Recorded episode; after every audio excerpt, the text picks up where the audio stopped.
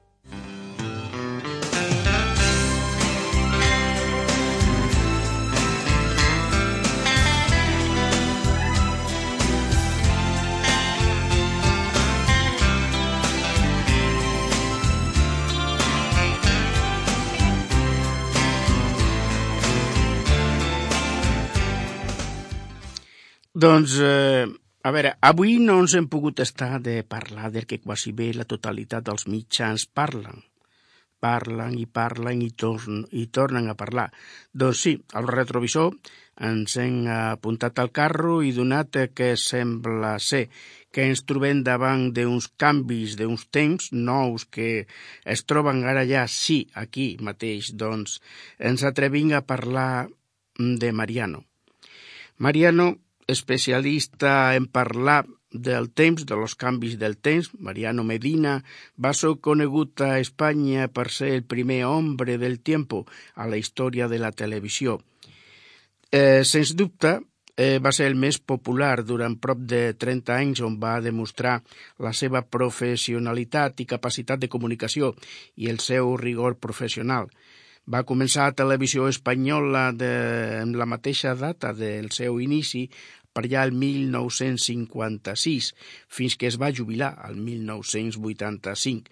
Conegut a tot l'estat com l'home del temps, Mariano Medina Isabel havia nascut al juliol del 1922 a Toledo i va morir a Madrid al desembre del 1994. El hombre del tiempo, los mismos.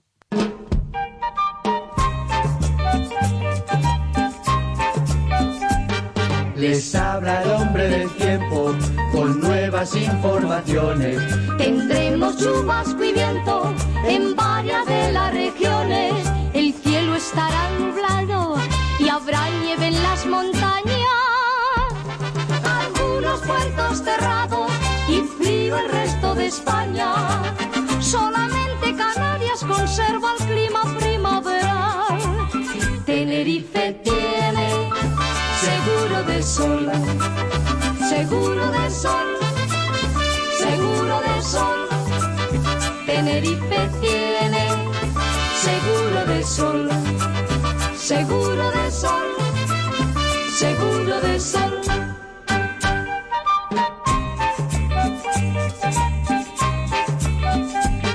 Se esperan temperaturas más bajas que las normales. En puestos de Extremadura y en todas las capitales el parque se está acabando. Señores, hasta la vista.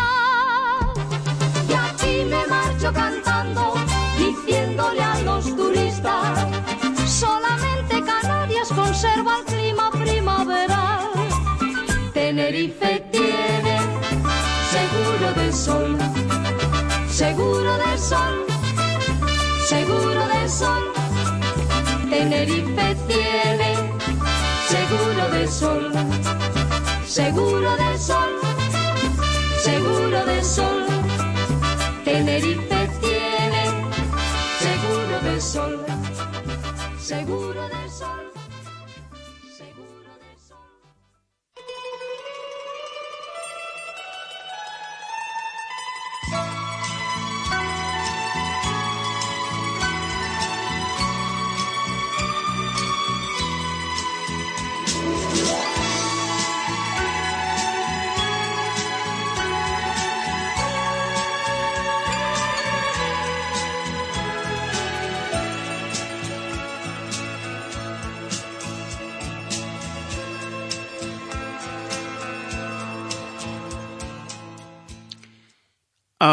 Maig de l'any 1845 va néixer a Folgueroles Jacint Verdaguer i Santaló, que va morir el juny de l'any 1902.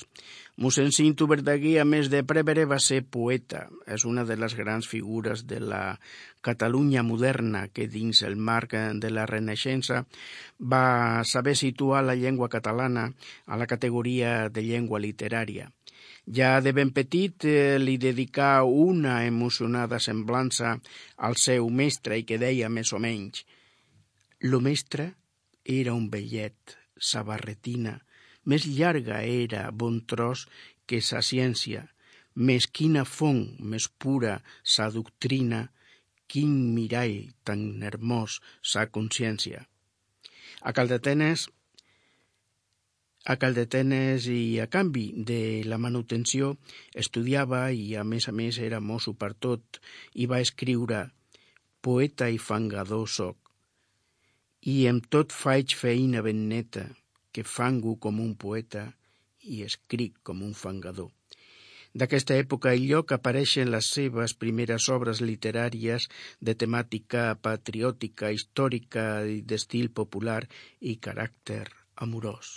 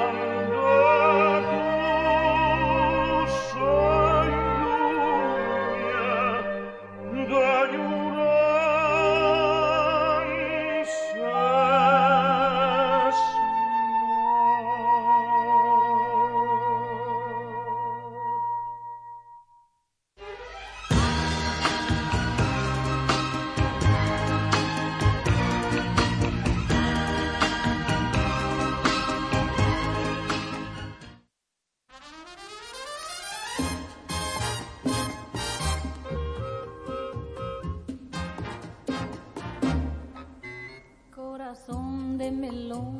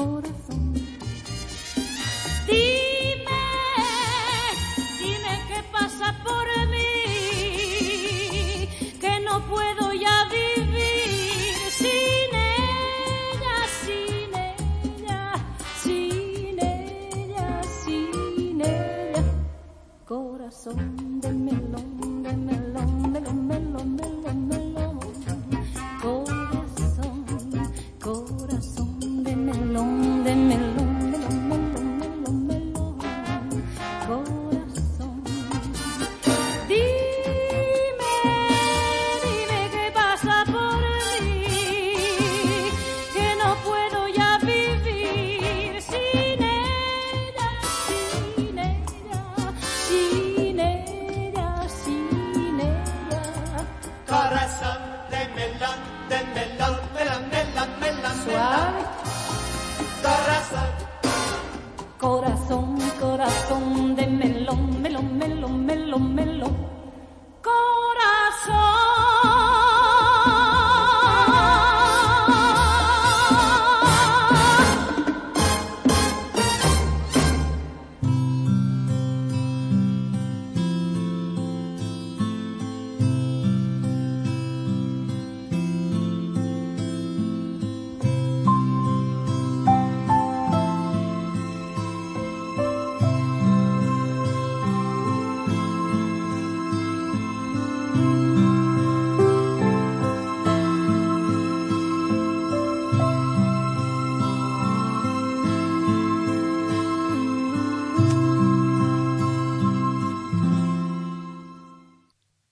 Amb el nom de Rosa Maria Coscolín Figueres va néixer la que, amb el pas del temps, es faria famosa sobretot a França. Va néixer a Vilafranca del Penedès al novembre del 1992. Del seu primer marit va adoptar el cognom artístic del músic Guillermo Lasso, i va, era, estem parlant evidentment de Gloria Lasso. Posteriorment es casaria almenys cinc vegades més. Després de diferents èxits, a la dècada dels anys 50 va gravar en català la sardana de la Rosa.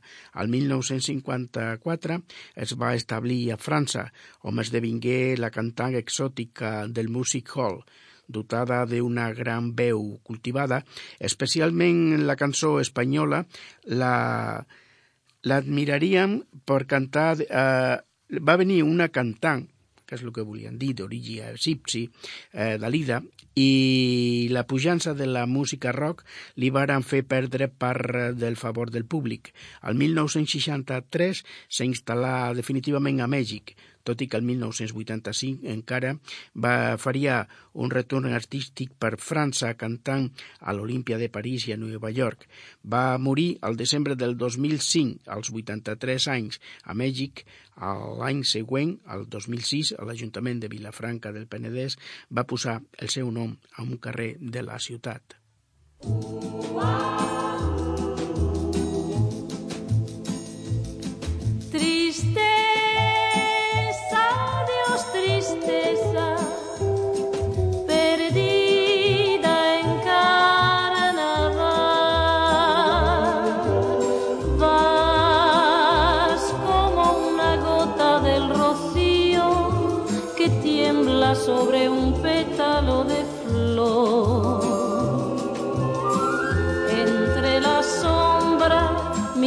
corazón te nombra en esa espera eterna del amor.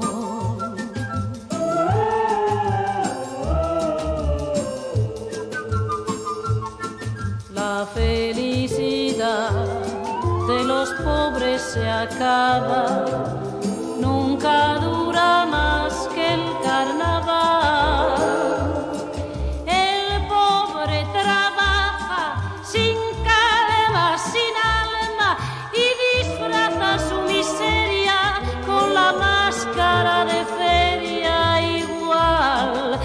la burla o en la tragedia.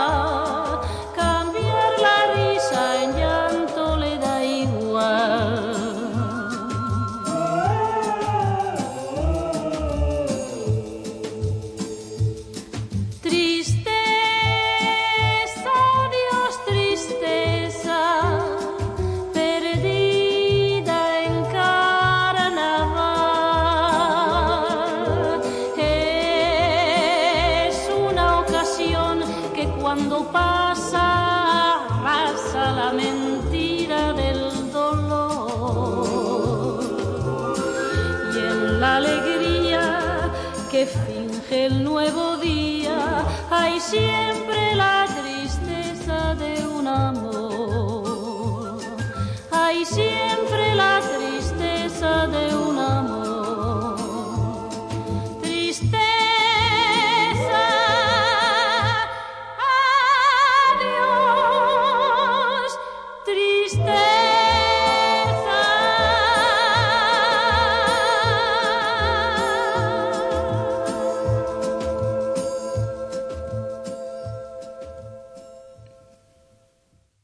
Bé, amics, us deixem ara amb l'informatiu local de dos quarts de sis.